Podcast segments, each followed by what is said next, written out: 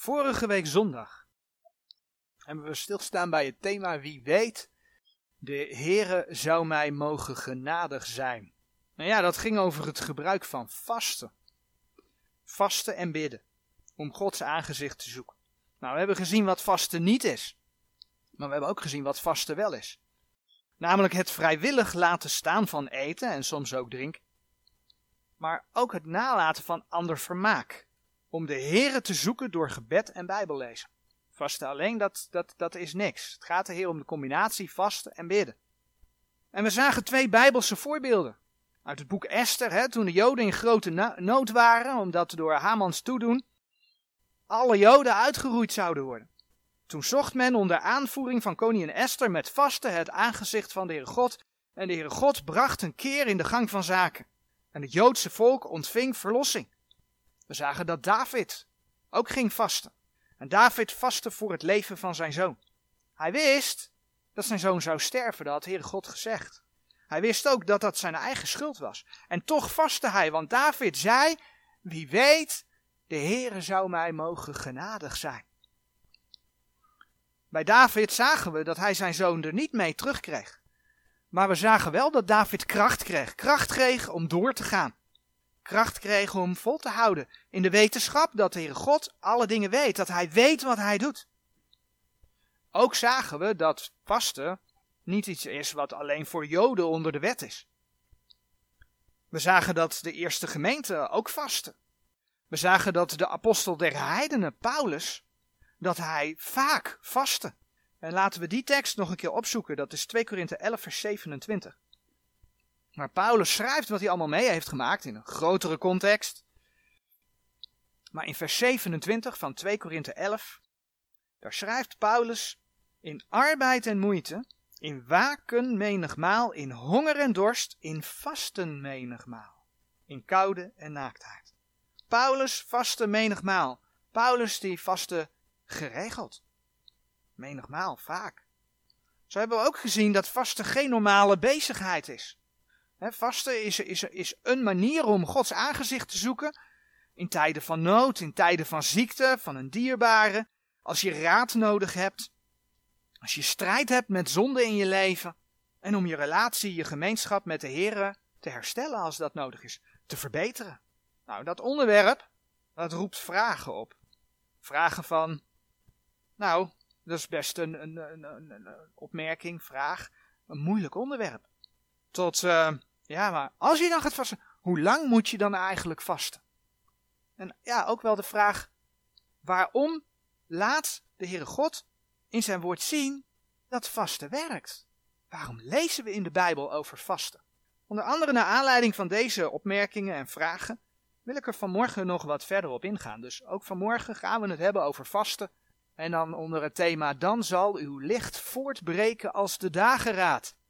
En die titel die gaan we vandaag tegenkomen. Ik wil eigenlijk met de, de, ja, zeg maar de makkelijkste van die vragen wil ik beginnen. Hoe lang, als je gaat vasten, hoe lang moet je dan vasten? Nou, daar is geen regel voor. Staat niet in de Bijbel, als je vast, dan moet je dat zo lang doen. Uit de geschiedenis van Esther, waar we de vorige week bij stil hebben gestaan, weten we dat Esther en de Joden die vasten drie dagen en drie nachten. Maar zo hebben we bij David gezien, 2 Samuel 12 vers 18, dat hij zeven dagen vastte. Zeven dagen. En zo kom je in Handelingen 27 vers 33 tegen dat Paulus samen met gevangenen en Romeinse soldaten op een schip 14 dagen vastte. Ja, en dan zijn er andere teksten in Gods woord, onder andere Richter 20 vers 26 en 2 Samuel 1 vers 12, die laten zien ja, dat men ook een dag vastte. Een dag. Er is dus niet echt ja, een vastgestelde tijd of zo voor. Belangrijk is dat je ziet dat je niet altijd kunt vasten. Dat is heel belangrijk. Want, vorige week heb ik Colossense 2 vers 20 tot 23 aangehaald. We moeten niet aan zelfkastijding gaan doen of zo. Daar is het niet voor bedoeld. De Heer wil geen zelfkastijding. En we zullen zo meteen nog wat uitgebreider terugkomen op ons vlees.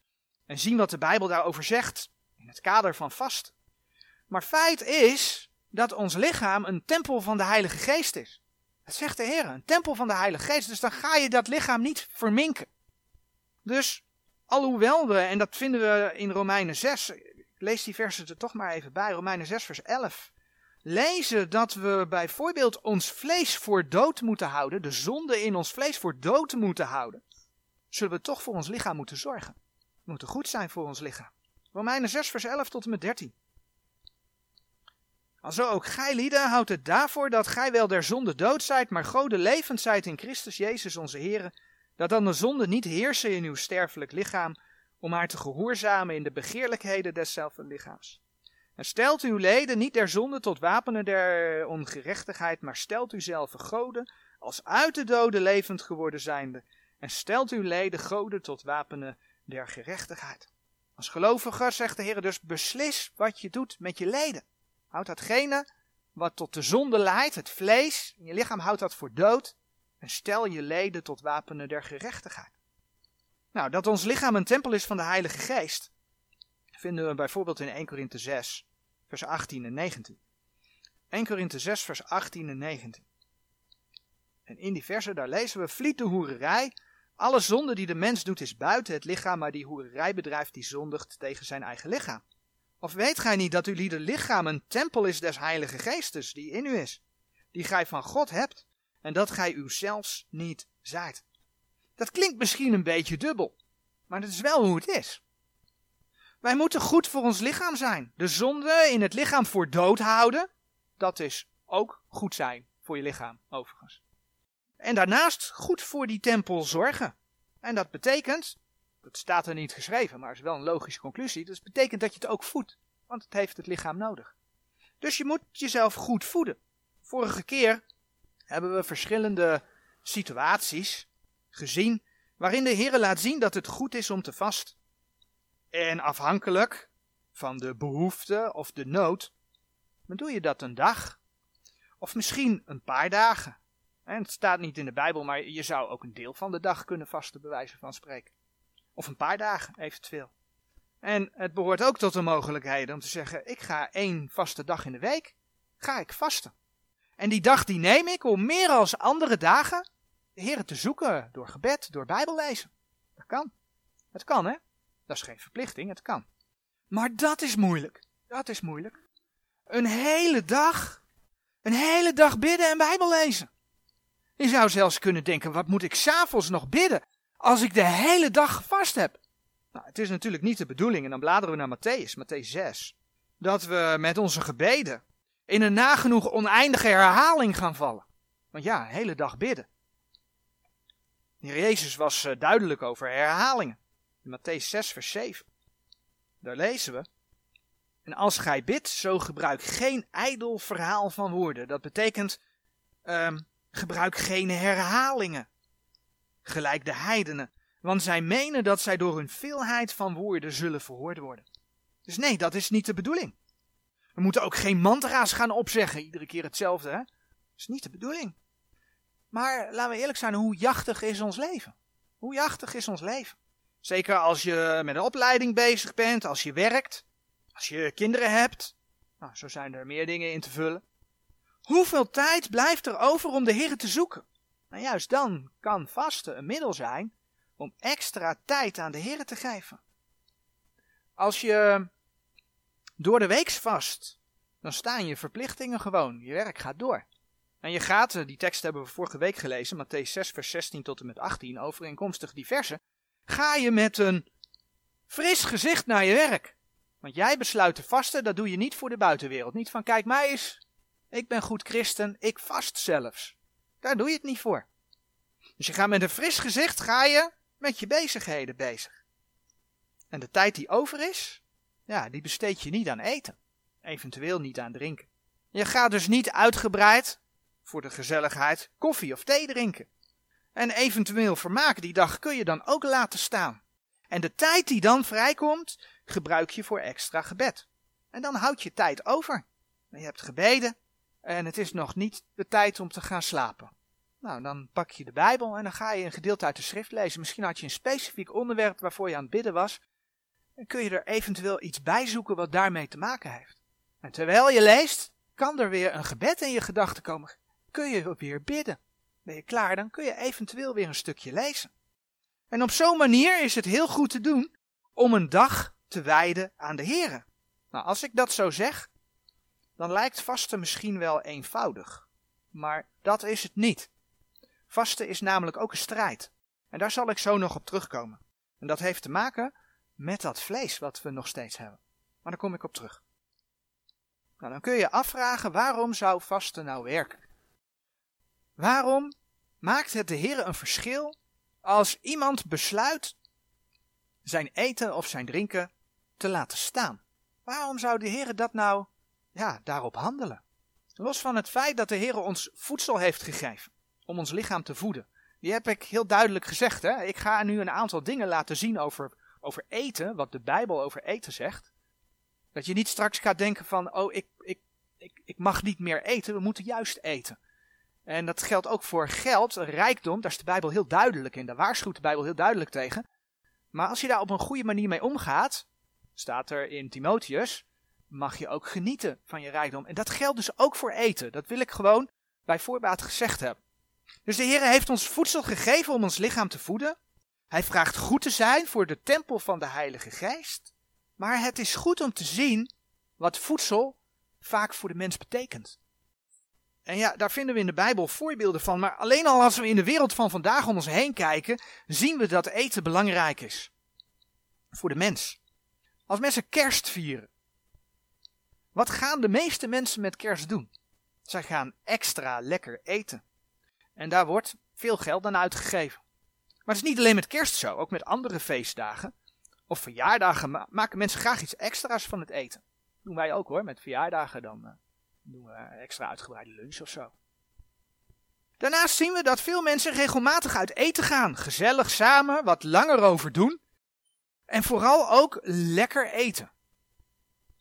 En ook in de zakenwereld wordt eten gebruikt, eten om dingen te bespreken, maar misschien ook wel, en dan bladeren we naar Spreuken 23, eten om dingen te bereiken.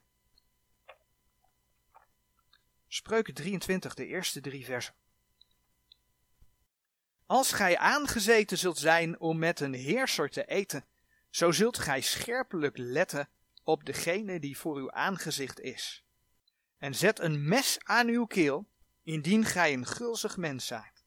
Laat u niet gelusten zijn smakelijke spijzen, want het is een leugenachtig brood.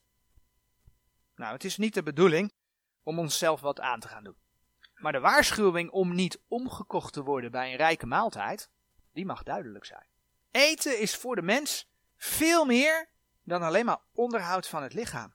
En laten we dan nog eens uh, een aantal versen in Gods woord opzoeken die daarover gaan. En dan beginnen we bij Prediker 6. Prediker 6, vers 7. Al de arbeid des mensen is voor zijn mond. En nochtans wordt de begeerlijkheid niet vervuld. Waarom werken we? Gewoon een gezegde uh, in het hedendaagse leven om brood op de plank te krijgen. Al de arbeid des mensen is voor zijn mond. Maar vooral ook het tweede deel, hè? En nochtans wordt de begeerlijkheid niet vervuld. Inkomen heeft te maken met eten. We moeten werken, dan krijgen we inkomen, dan kunnen we eten. Gaat de mond in. Maar blijkbaar ook met begeerlijkheid.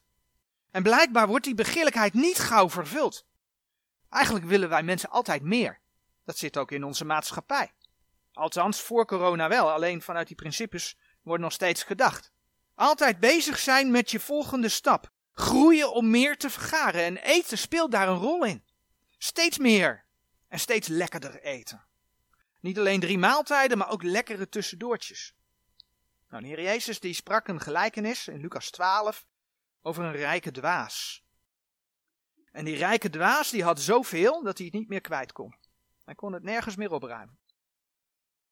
En in plaats dat die rijke dwaas zich richtte op de Heere God en van daaruit ook uitdeelde richting zijn medemens, ging hij zijn schuren afbreken en ging die grotere schuren bouwen en hield hij alles voor zichzelf. En dan lezen we wat hij deed in Lucas 12, vers 19. En ik zal tot mijn ziel zeggen: Ziel, gij hebt vele goederen die opgelegd zijn voor vele jaren. Neem rust, eet, drink, zijt vrolijk. Wat is er nou mooier dan zoveel te hebben dat je je baan aan de kant kunt zetten en dat je feest kunt vieren en dat je kunt eten en drinken? Dat is, nou, een beetje wat daar staat. Maar in Lucas 12, vers 20 zien we hoe het met hem afloopt. De Heere zegt: Kom maar, van wie is dan je rijkdom? Maar we zien hier dat eten meer is dan onderhoud. Eten is ook een stukje plezier, een stukje vleeselijk plezier. En toen we bij de brede en de smalle weg stilstonden, en dan bladeren we naar Jezaja 5, en het over wellusten, over pleziertjes hadden, hebben we onder andere Jezaja 5 vers 11 en 12 gelezen. En dat past daar heel goed bij. Jezaja 5 vers 11. Wee degene die zich vroeg opmakende in de morgenstond sterke drank najagen en vertoeven tot in de schemering, totdat de wijn hen heeft verhit. En harpen en luiten, trommels en pijpen en wijn zijn in hun maaltijden. Maar zij aanzien niet op het maaksel zijner. Oh, sorry, zij aanschouwen het werk des Heren niet. En zij zien niet op het maaksel zijner handen. Mens wil lekker eten, muziekje erbij, en dan hoeven ze niet over God na te denken. Nou, de conclusie van de gelijkenis in Lucas 19, vers 21. Ik stuur jullie verkeerd. We waren in Lucas 12 bezig. Lucas 12, vers 21. Conclusie, alzo, vers 21, alzo is het met dien die zichzelf verschatten vergadert en niet rijk is in God. Ja, daaruit kun je dan de vraag stellen, welke schatten vergader je? Het uh, mooie is dat de Heer Jezus, als hij de, de mensen eten gegeven heeft met de wonderbare spijziging in Johannes 6, dat doet hij de uitspraak. Johannes 6, vers 26 en 27. En ja, de Heer Jezus heeft de mensen eten gegeven. Maar kijk wat hij dan zegt. Er is namelijk iets wat belangrijker is dan het eten wat we tot ons nemen. Johannes 6, vers 26. Jezus antwoordde hun en zeide: Voorwaar, voorwaar zeg ik u, gij zoekt mij, niet omdat gij tekenen gezien hebt, maar omdat gij van de broden gegeten hebt en verzadigd zijt. Werkt niet om de spijze die vergaat, maar om de spijze die blijft tot in het eeuwige leven, welke de Zoon des Mensen u lieden uh, geven zal. Want deze heeft God de Vader verzegeld. Ja, en als we dan kijken, hè, het Nieuwe Testament, daar kom je in de evangelie, maar ook in de brieven van Paulus, bijvoorbeeld 1 Timotheus 6, vers 6 tot en 8, kom je tegen dat we als gemeentelid, dat we eigenlijk vergenoegd moeten zijn met wat de Heer geeft. Nou, een andere tekst die iets over eten zegt, vinden we in Filippenzen. Over eten, inkomen en het vlees. Filippenzen 3, vers 19. Daar waar Paulus vraagt om zijn navolgers te zijn, geeft hij aan in Filippenzen 3, vers 17 en 18 dat er velen zijn die anders wandelen. En dat ze vijanden zijn van het kruis.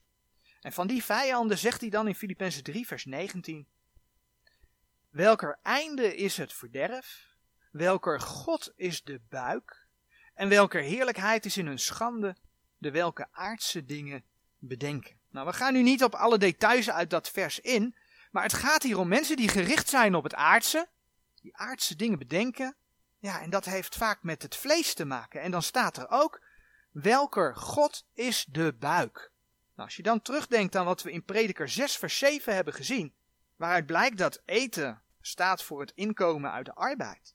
Dan zien we dus dat het gaat om, ja, om religieuze mensen. Alleen zij passen de boodschap aan hun gehoor aan om hun inkomen veilig te stellen. Want hun God is de buik. Het is belangrijk dat daar wat in komt. Romeinen 16, vers 18. Romeinen 16, vers 18. Want de zulke dienen onze Heer Jezus Christus niet, maar hun buik. En verleiden door schoonspreken en prijzen de harten der eenvoudigen. Mensen passen de boodschap aan, hè? ze gaan schoonspreken. Ze gaan, ze gaan spreken wat de mensen graag willen horen, want ze dienen hun eigen buik. En dat is waar de Heer tegen waarschuwt. Eten, de buik, is onverzadigbaar en het heeft dus te maken met het vlees. Dat kan een afgod zijn. Nog een voorbeeld. Bladeren naar Psalm 106. Uh, het volk Israël ging door de woestijn. En wat deed het volk? Mopperen. Op diverse situaties, maar ook over het eten. En op een gegeven moment dan geeft de Heer hun manna. Dat lees je bijvoorbeeld in Exodus 16. Maar het volk kreeg die manna en wat gebeurde er? Ook over dat manna ging het volk klagen. En in uh, Psalm 106, vers 14 en 15 lezen we daarover. Maar zij werden belust met lust in de woestijn en zij verzochten God in de wildernis. Toen gaf hij hun begeerte. Toen gaf hij hun hun begeerte. Maar hij zond aan hun zielen een magerheid. Nou, hou de hand hier bij Psalm 106, want daar komen we zo terug. Maar in nummer 11 vers 6, daar kun je lezen dat ze klaagden over het manna. Nummer 11 vers 6, daar zie je dat ze klagen over het manna. En in, in het vers ervoor, en dat gaan we lezen, daar lees je hoe het volk verlangde naar het eten uit Egypte. Nummer 11 vers 5. Wij gedenken aan de vissen die wij in Egypte om niet aten, aan de komkommers en aan de pompoenen, en aan de look en aan de ajuinen en aan het knoflook. Ze waren dus niet tevreden met wat de Heer hen gegeven had. Ze leefden liever aan een rijk gedekte tafel, want je ziet al die dingen die ze noemden, liever aan een rijk gedekte tafel in de onderdrukking, want die onderdrukking waren ze blijkbaar alweer vergeten, dan dat ze de gaven van de Heere hadden in vrijheid. En ondanks alles gaf de Heere hen vlees in de vorm van kwakkels. Maar waar het me nu even om gaat, waar het op aankomt, is dat Psalm 106 vers 14 spreekt over lust. Ze waren door lust bevangen. 106 vers 14. Zij werden belust. En toen de Heere hun dan ook nog hun begeerte gaf, want dat staat er, vers 15, zegt vers 15 dat de Heere aan hun zielen een magerheid zond. De Heere zond aan hun zielen een magerheid. Dus ze bleven maar klagen, ze kregen ook nog waar ze om vroegen, maar het leverde een magerheid in hun zielen op. En nu is het in het Oude Testament de ziel vaak synoniem voor het leven, of het lichaam, maar ik geloof dat het hier wel degelijk om een geestelijk aspect gaat. Want als je Psalm 106 verder leest, dan lees je vooral over dat ze benijden. Psalm 106, vers 16. Over opstand, vers 17. Over dat ze een afgodsbeeld maakten, vers 19. En in vers 21 van uh, Psalm 106 lees je dan: Zij vergaten God hun heiland, die grote dingen gedaan had in Egypte. Magerheid van de ziel. Ze vergaten God. Dus ze kregen eten. En dan verwijs ik weer even naar Johannes 6, vers 27. De spijze die verging, het gewone eten. Maar ze vergaten de spijze die zou blijven tot in het eeuwige leven. En waren daarmee in opstand tegen de Heer. Maar de Heer wil juist de ziel verzadigen. Psalm 107, vers 9. Want hij heeft de dorstige ziel verzadigd en de hongerige ziel met goed vervuld. Toen Heer Jezus uh, verzocht werd in de woestijn, en de tekst staat hier op de dia, maar als je mee wil lezen mag je hem opzoeken, Matthäus 4, vers 4. Toen de Heer Jezus verzocht werd in de woestijn, was dat tijdens een periode dat hij 40 dagen en 40 nachten vastte. En dan lees je dat Heer Jezus in Matthäus 4, vers 4 zegt, als hij verzocht wordt, dan geeft hij als antwoord, er is geschreven, de mens zal bij brood alleen niet leven, maar bij alle woord dat door de mond Gods uitgaat. En ik geloof dat dat het geheim van vasten is. Je kiest ervoor om een stukje van je rijkdom, een stukje van datgene waar je begeerte naar uit zou kunnen gaan, om dat te laten staan en de tijd die dat oplevert te geven aan gebed en Gods woord. Oftewel niet naar, te zoeken naar de spijze die vergaat, maar te zoeken naar de spijze van het eeuwige leven, naar de eeuwige schatten. Maar dan zeg je misschien, begeerte? Hoezo begeerte? Ik bedoel, een mens moet toch eten? Zoals gezegd, is het niet de bedoeling om aan zelfkastijding te doen. Nogmaals, Colossense 2 vers 20 tot en met 23. En ja, de Heer wil dat we goed voor de tempel van de Heilige Geest zorgen. Ja, maar op het moment dat je besluit te gaan vasten, omdat je dat tegen bent gekomen in Gods woord, omdat je erbij bepaald bent, dan ga je opeens merken dat je weerstand merkt. Dan ga je opeens merken dat je lichaam niet wil. Dan ga je opeens merken dat je hunkert naar die koffie die je altijd neemt op dat tijdstip. Of dat je hunkert naar dat tussendoortje. Dat je je afvraagt, waarom zou ik vasten? Nou, één ding is zeker, wij leven niet in een deel van de wereld waar we honger lijden. Dus honger kan niet de reden zijn dat je naar die koffie of dat tussendoortje of die maaltijd hunkert. Dat kan niet de reden zijn. Wat is die hunkering dan wel? Nou, die hunkering is heel gewoon dat je gewend bent meer te nemen. Dat je gewend bent te genieten van je koffie. Of te genieten van je tussendoortje of je maaltijd. En dat is wat je nu eens een keer laat staan voor de Heer. Dat is dus strijd. Een strijd in je, in je gedachten aangewakkerd wordt ook de geestelijke strijd door de vijand. Want die wil helemaal niet dat jij extra tijd de Heer gaat bidden. Wil die niet. En eigenlijk heeft het allemaal te maken met het bedwingen van je lichaam. En dan bladeren we naar 1 Korinthe 9, vers 27. 1 Korinthe 9, vers 27. Daar lezen we. Maar ik bedwing mijn lichaam en breng het tot dienstbaarheid. Opdat ik niet enigszins, daar ik anderen gepredikt heb, zelf verwerpelijk word. Dat is wat Paulus schrijft. Nou, dat staat in de context van het verdienen van een kroon. Hè? 1 Korinthe 9, vers 25. Daar lees je dat. In de context van de strijd tegen het vlees. Maar vasten is dus in feite ook een stukje bedwingen van je lichaam. En de tijd gebruiken voor de Heer. En het feit dat je iets moet bedwingen, betekent dat het je iets kost. Het kost je iets. Je geeft dus iets, niet alleen je tijd, maar je geeft dus iets dat je iets gekost heeft. En daar zit mijns inziens, op basis van de schrift, de rijkdom van het vasten in. Als je dat vrijwillig doet, je geeft iets dat je iets kost, is dat wat de Heere ziet. Het mooie is dat de schrift laat zien dat het je niet alleen iets kost, maar dat het je ook iets geeft. En natuurlijk hebben we de vorige keer aan de hand van Esther en David gezien dat vasten een antwoord in de nood geeft. Dat vasten een, een, een, een antwoord in de nood geeft, maar ook berusting en kracht om door te gaan op het moment dat dingen soms anders lopen dan je zelf graag zou zien. Dat hebben we in het leven van David gezien. Maar er is een, een, een, een mooi schriftgedeelte, en dat gaan we opzoeken, dat is Jesaja 58. Dat laat zien wat vasten brengt. In Jesaja 58 lezen we allereerst over de schijnvroomheid van Israël. in, in vers 2 daar lees je dat Israël God zocht. Maar als je vers 3 en 4 leest, dan weet je dat dat een, een uiterlijk zoeken was.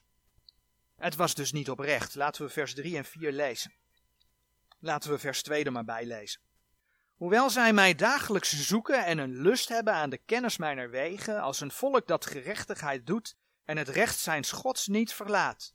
Nou, dat is mooi, zou je zeggen, als je dat zo leest. Maar dan komt hij, hè. Vragen zij mij naar de rechten der gerechtigheid. Zij hebben een lust tot God te naderen. En dan komt hij, vers 3, zeggende. Waarom vasten wij? En gij ziet het niet aan? Waarom kwellen wij onze ziel? En gij weet het niet?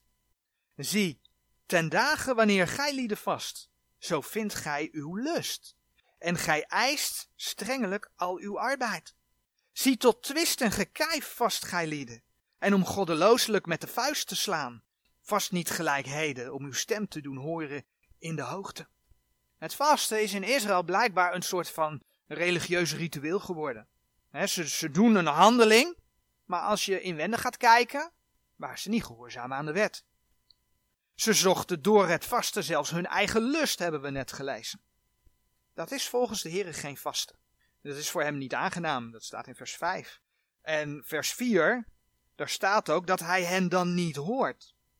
En dan lezen we in Jezaja 58, vers 6 en 7, wat volgens de Heere vasten is. Jezaja 58, vers 6. Is niet dit het vasten dat ik verkies? Dat gij losmaakt de knopen der goddeloosheid. Dat gij ontdoet de banden des juks. En dat gij uh, vrij loslaat de verpletterde en alle juk verscheurt. Is het niet dat gij de hongerige uw brood mededeelt en de arme verdrevenen in huis brengt? Als gij een naakte ziet, dat gij hem dekt en dat gij u voor uw vlees niet verbergt. Nou, allereerst is het goed om op te merken dat dit gedeelte in de eerste plaats, hè, Oude Testament, profeten, onder de wet, aan Israël gericht is. En, als, en, en, niet voor de gemeente. In, in Jesaja 58 vers 8, daar wordt gesproken over uw gerechtigheid. Nou, als gemeente hebben we helemaal niet iets uit onze eigen gerechtigheid. In Jesaja 58 vers 12, als je daar gaat kijken, dan zie je dat er over de herbouw van Israël gesproken wordt. Dat is niet voor de gemeente. Vers 13 gaat over de heiliging van de Sabbat. Dat is niet regelrecht aan de gemeente geschreven. En dan komt hij. Dat wil niet zeggen dat wij geen geestelijke les uit dit gedeelte kunnen leren. Want er staan dingen in waar we wel degelijk iets eh, van kunnen leren. Ik bedoel, ook van ons, als gemeenteleden, wordt gevraagd dat we de Here volgen. Van ons wordt gevraagd om zijn woord te leven. Niet alleen maar te lezen, maar ook in de praktijk te brengen. En ja, daar zit ook voor ons, waar deze versen over spreken, een stukje omzien naar de naaste bij. Ik bedoel, als je Paulus leest in Romeinen 13, vers 8 tot en met 10, dan geeft Paulus ook de vervulling van de wet. Staat ook in de brief aan de gemeente. En daar hebben we afgelopen jaar een keer bij stilgestaan. Ook voor de gemeente geldt dat als je je niet aan Gods woord houdt, als je Gods woord niet serieus neemt, er niet naar leeft, dat de Heere laat zien dat je gebeden verhinderd worden. Een voorbeeld gaan we nu niet allemaal opzoeken, maar dat vind je in uh, eh, 1 Petrus 3 vers 7 en 12. En Jacobus 4 vers 3 zegt zelfs dat de gebeden niet verhoord worden als je het probeert in je lusten door te voeren. Dat heeft allemaal niets met de verkregen rechtvaardigheid in de Heer Jezus je behoud te maken, maar wel met hoe wij Hem navolgen. Of wij in de eeuwigheid loon en kroon zullen ontvangen. Nou, op die manier is er ook voor ons in de gemeentetijd een vaste dat voor de Heer geen waarde heeft. Uiterlijk vertoon voor religieuze doeleinden, of voor je eigen lust, of op het moment dat je je zonde niet beleidt. Dan kijkt, dan luistert de Heer er niet naar. Maar zo is er ook een vaste dat oprecht is. En kijk dan wat de Heer wil geven. In Jesaja 58 vers 8 tot en met 11 lezen we het volgende. Dan zal uw licht voortbreken als de dageraad en uw genezing zal snellijk uitspruiten. En uw gerechtigheid zal voor uw aangezicht heen gaan en de heerlijkheid des Heren zal uw achtertocht wijzen. Dan zult gij roepen en de Heere zal antwoorden. Gij zult schreeuwen en hij zal zeggen, zie, hier ben ik. Zo gij uit het midden van u wegdoet het juk, het uitsteken des vingers en het spreken der ongerechtigheid. En zo gij uw ziel opent voor de hongerigen en de bedrukte ziel verzadigt. Dan zal uw licht in de duisternis opgaan en uw donkerheid zal zijn als de middag. En de Heere zal u geduriglijk leiden en hij zal uw ziel verzadigen in grote droogte en uw beenderen vaardig maken. En gij zult zijn als een gewaterde hof en als een springader der wateren, welker wateren niet ontbreken. Jesaja 58 vers 8 en 10 spreken over het feit dat dan zal uw licht voortbreken als de dageraad. De Heere wil vasten dus gebruiken, want dat was de context van Jesaja 58, om, om, om, om licht te geven, om zicht te geven. En als we dan bedenken, hè, Psalm 119 vers 105, dat het Gods woord is dat ons licht op ons pad geeft dan beseffen we dat de Heere vasten en bidden als instrument geeft om ons meer zicht te geven op Gods woord. En dan zegt Psalm 119, vers 130. Psalm 119, vers 130. De opening uw woorden geeft licht de slechte verstandig makende. God wil licht geven. En door hem te zoeken, in de context was dat met vasten te doen, wil hij het licht doen voortbreken als de dageraad. Zo spreekt uh, Jezaja 58 vers 8 ook over genezing. Nou, het is bekend dat uh, vasten bijvoorbeeld ook een goede werking voor je lichaam kan hebben. Dat als eerste. Maar ik denk dat dit verder gaat. Onlangs hebben we erbij stilgestaan dat de merktekenen der apostelen er niet meer zijn. Hè? Dus de gave van genezing het genezen door de hand van, dat je naar een speciale genezer in een speciale zaal toe moet. Dat bestaat helemaal niet. Dus als de, als de, hele beweging gelijk had, dan waren ze nu heel druk met corona. En dan hadden we geen coronapandemie over deze wereld. Voor zover het al een pandemie is, hè. Maar er worden mensen heel ziek. En als die genezers dus hun werk deden, als die echt de gave van God hadden, dan hadden we geen probleem. Maar die, die, die gave is er niet. Maar dat neemt niet weg dat als het Gods wil is, dat Hij ook vandaag de dag kan genezen. God is bij machten om dat te geven. Dat is een feit. Hij doet het niet altijd. dan mag je weten dat hij kracht geeft, zoals we vorige week ook bij David zagen. Het mooie is overigens dat als de Heer over genezing spreekt, als je in 1 Petrus 2 vers 24 is dat kijkt, dat je ook ziet dat de Heer dat vaak betrekt op de zonde, genezing van de zonde. Maar vasten en bidden kan daar dus bij helpen. Dan spreekt eh, Jesaja 58 vers 8 over uw gerechtigheid zal voor uw aangezicht heen gaan. Nou, we hebben al even aangehaald hè, dat de leerstellige betekenis voor Israël is. Dat geldt niet voor de gemeente. Maar doordat de Heer Jezus voor onze zonde gestorven is, en die tekst hebben we vaker aangehaald, dragen we als leden van de gemeente van de Heer Jezus Gods gerechtigheid. Maar ja, we leven nog steeds in dat pakje vlees. En Romeinen 7 onder andere laat zien dat dat ons verleidt tot zonde. Dus we zondigen, ook als gelovigen. En dat betekent, 1 Johannes 1 vers 9, dat we onze zonde moeten beleiden. Dus ja, we dragen Gods gerechtigheid, maar hoe kan dat zichtbaar worden om ons heen? Alleen als we onze zonde beleiden. Alleen als we onze zonde beleiden. Als onze relatie met onze Here in orde is. En daar kan vasten en bidden dus bij helpen. En wanneer je een goede relatie met de Heer hebt, kan, Jezaja 58 vers 8, de heerlijkheid des Heren uw achtertocht wezen. Dan bladeren we naar 1 Korinthe 6 vers 20. zoals gezegd is je lichaam een tempel van de Heilige Geest. En dan lezen we in 1 Korinthe 6 vers 20. Want gij zijt duur gekocht, zo verheerlijkt dan God in uw lichaam en in uw geest, welke godes zijn. Als je hem de eerste plaats geeft, als je vervuld bent met hem, dan zal hij zijn heerlijkheid in je leven zichtbaar maken. Vasten en bidden wil daar dus bij helpen. Jezaja 58 vers 9 laat zien dat als je de Heer oprecht zoekt, dat hij wil antwoorden. We hebben het bij Esther gezien in de verlossing die hij gaf, maar ook bij David zagen we de kracht die hij ontving om door te gaan. De Heer wil erbij zijn, zoals Jesaja 58 vers 9 laat zien, dat de Heer zegt, zie, hier ben ik. Vasten en bidden helpt daar dus bij. Jesaja 58 vers 11 zegt dan nog dat de Heer je leidt. Dat je een gewaterde hof, een springader zult zijn. Nou, die springader, die gewaterde hof, dan bladeren we naar Johannes 7, dat is de laatste tekst die we opzoeken. Dat doet denken aan de Heilige Geest.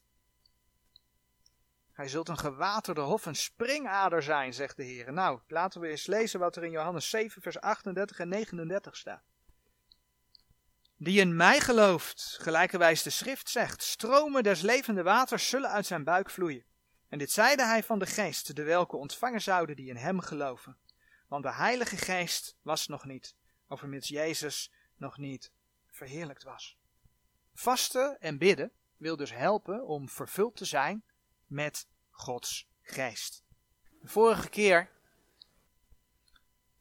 hebben we gezien dat je vasten met je verstand mag doen. Een aantal waarschuwingen. Je moet niet zomaar een maaltijd laten staan als je ook medicijnen in moet nemen. Ik heb andere voorbeelden genoemd. Dat is het eerste deel, de studie uh, uh, Wie weet, de Heer zou mij mogen genadig zijn. Mocht je dat niet gehoord hebben, dan kun je dat daar naluisteren. Ik vind het belangrijk om dat te vermelden. Maar ik wil afsluiten met dezelfde vraag als de vorige keer. De Heer laat deze dingen in zijn woord zien. En dat doet hij niet voor niets.